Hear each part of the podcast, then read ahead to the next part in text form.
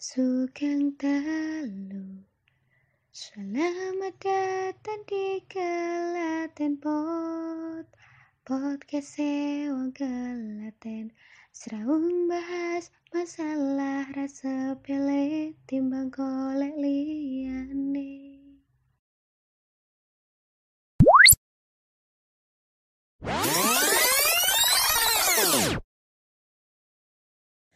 Halo Lor, Sugeng Dalu. Selamat datang di Klaten Pods. Podcastnya Kulo Klaten yang Klaten banget. Selamat mendengarkan ya.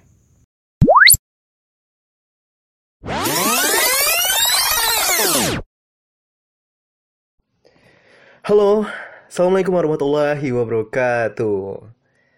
Selamat sejahtera bagi kita semua.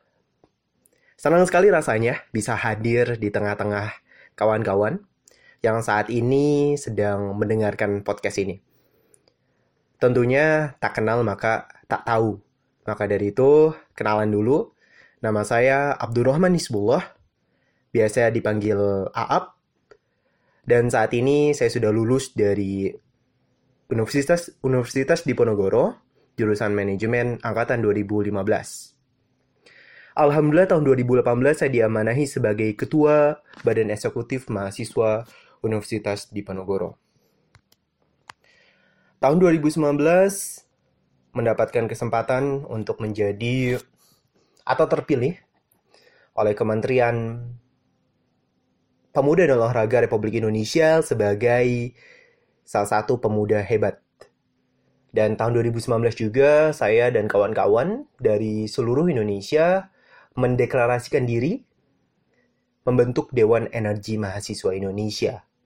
Dan di sana saya sebagai Presiden Dewan Energi Mahasiswa Semarang. Saat ini saya aktif dalam dunia sosial movement yang saya garap bersama kawan-kawan saya yang dulu di BEM juga dengan nama NGO Life. Artinya Leadership Initiative for Empowerment Sustainability. Kita fokus bergerak di sekolah integritas dan sekolah pemberdayaan. Dan kawan-kawan bisa cek di Instagram kami, yaitu Asia Pacific Summit. Conference, summit, dan berbagai agenda kepemudaan ada di sana.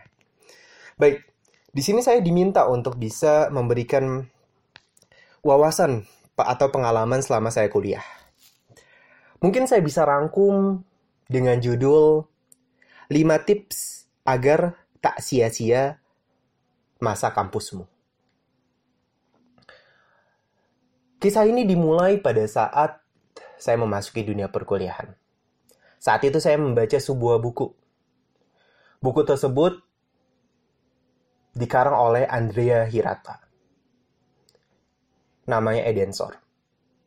Itu adalah salah satu dari tetralogi Laskar Pelangi.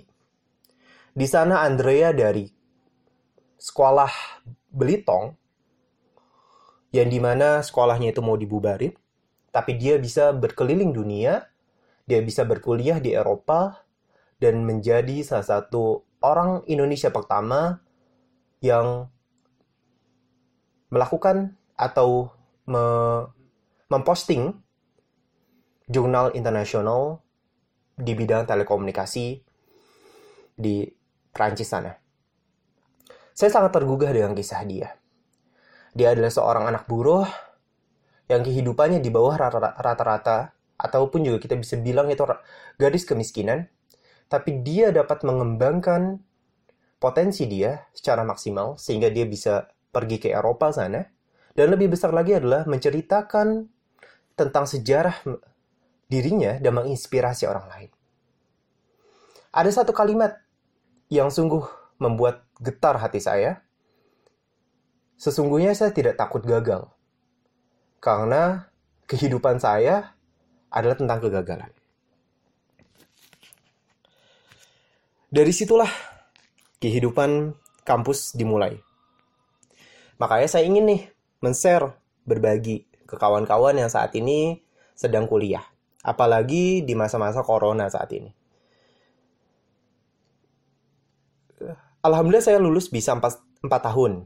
Uh, saya masuk tanggal uh, 2015 di 19 eh, di 15 September, saya lulus tahun 2019 di 19 September. Jadi cuma 4 tahun beda. Pokoknya 4 tahun beda 19 hari. Nah, kawan-kawan, dalam masa 4 tahun kawan-kawan atau nanti lebih lah. Saran saya jangan pernah melewatkan masa-masa yang ingin saya utarakan di sini. Yang pertama adalah manfaatkan masa orientasi mahasiswa baru kawan-kawan dengan semaksimal mungkin. Carilah di sini untuk dapetin banyak teman. Teman jurusan, deketin teman jurusan. Jangan takut untuk say hello, jangan takut untuk menyapa, jangan takut untuk dikira modus, jangan takut. Karena kawan-kawan butuh teman. Carilah 3 sampai 5 orang teman di sini. Karena tujuan ospek adalah bagaimana kamu bisa keluar dari zona nyaman kamu dan bisa mengenal lingkungan kampus. Salah satu lingkungan kampus adalah orang-orang di dalamnya. Yang kedua, dekatlah dengan kakak kelasmu. Nah, ini sering nih. Kakak kelasmu sebenarnya tidak akan menolak pada saat kamu tanya-tanya.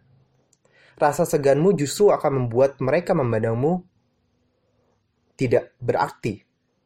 Padahal dengan kamu dekat kakak kelas, kamu pada saat kamu cari uh, bingung materi kuliah, kamu bisa nanya.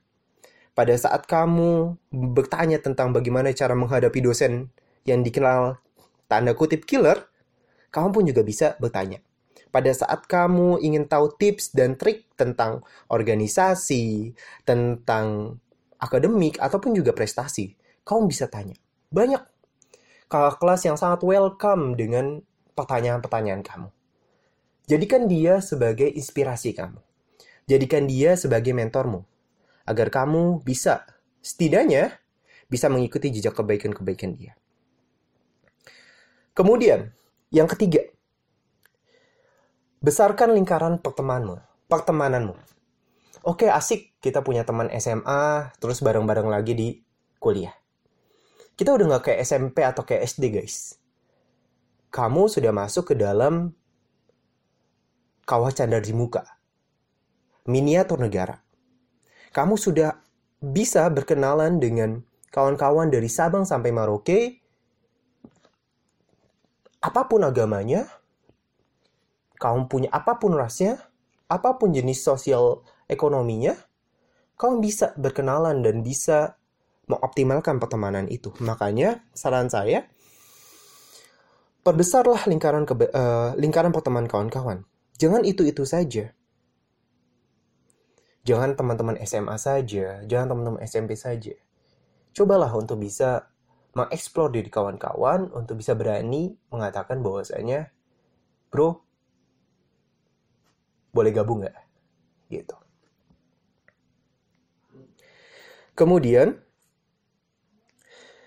ini akan penting pada saat kamu melakukan tugas kuliah ataupun juga organisa urusan organisasi.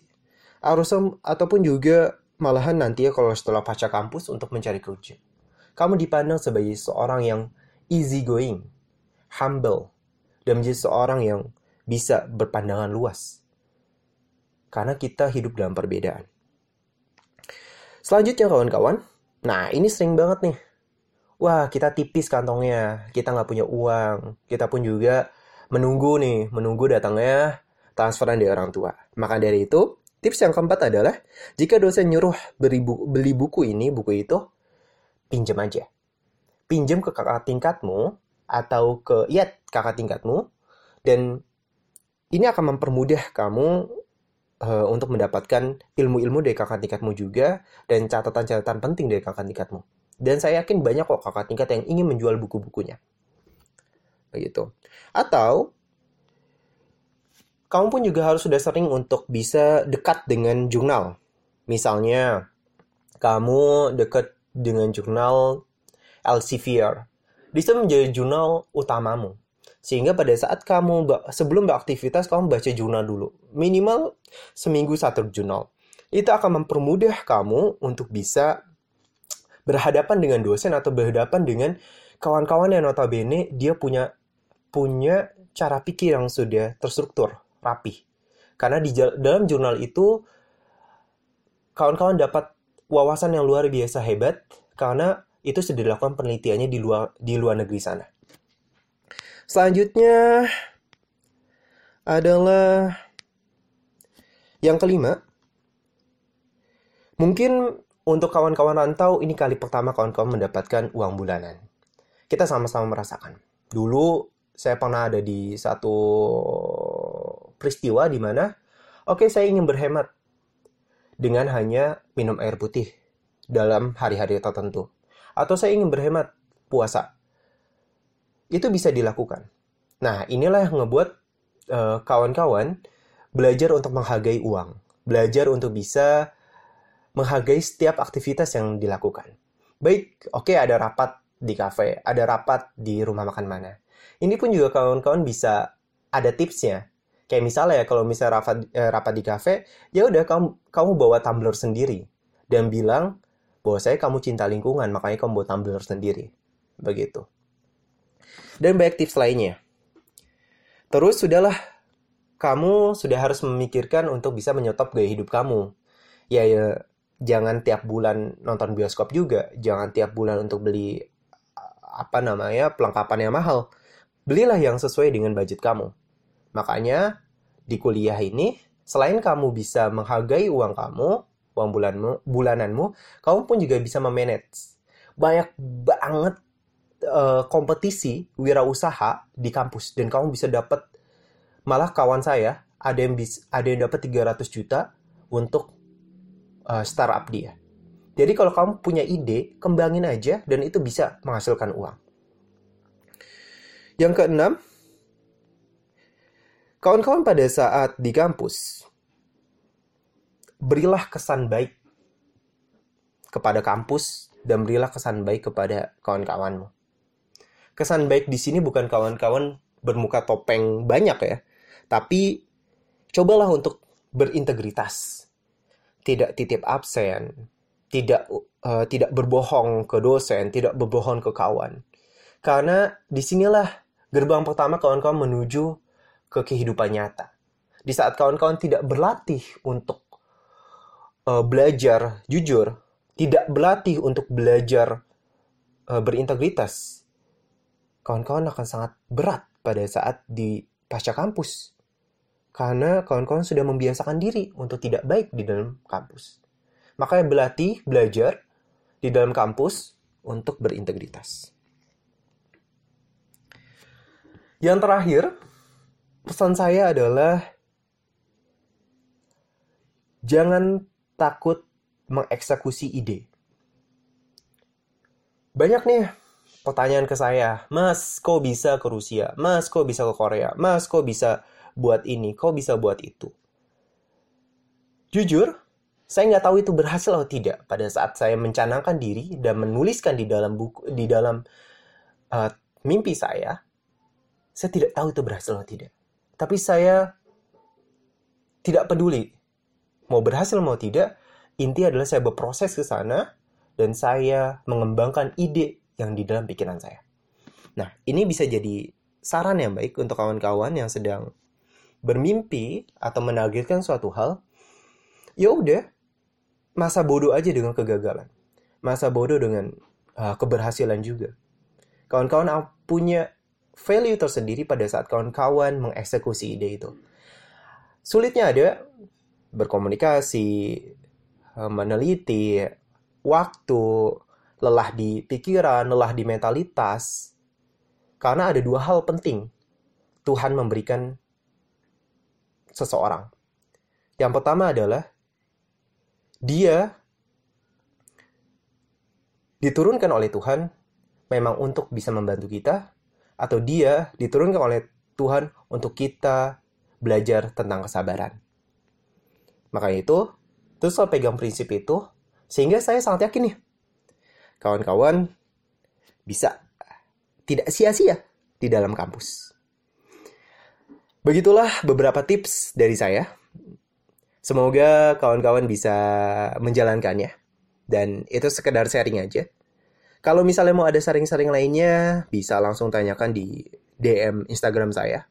At AABHIZB.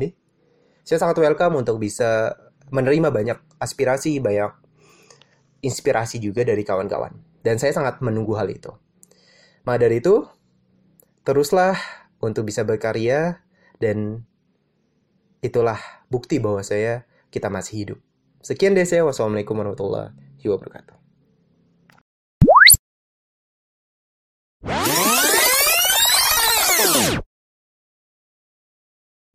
Terima kasih sudah mendengarkan. Sampai jumpa di Klaten Post selanjutnya.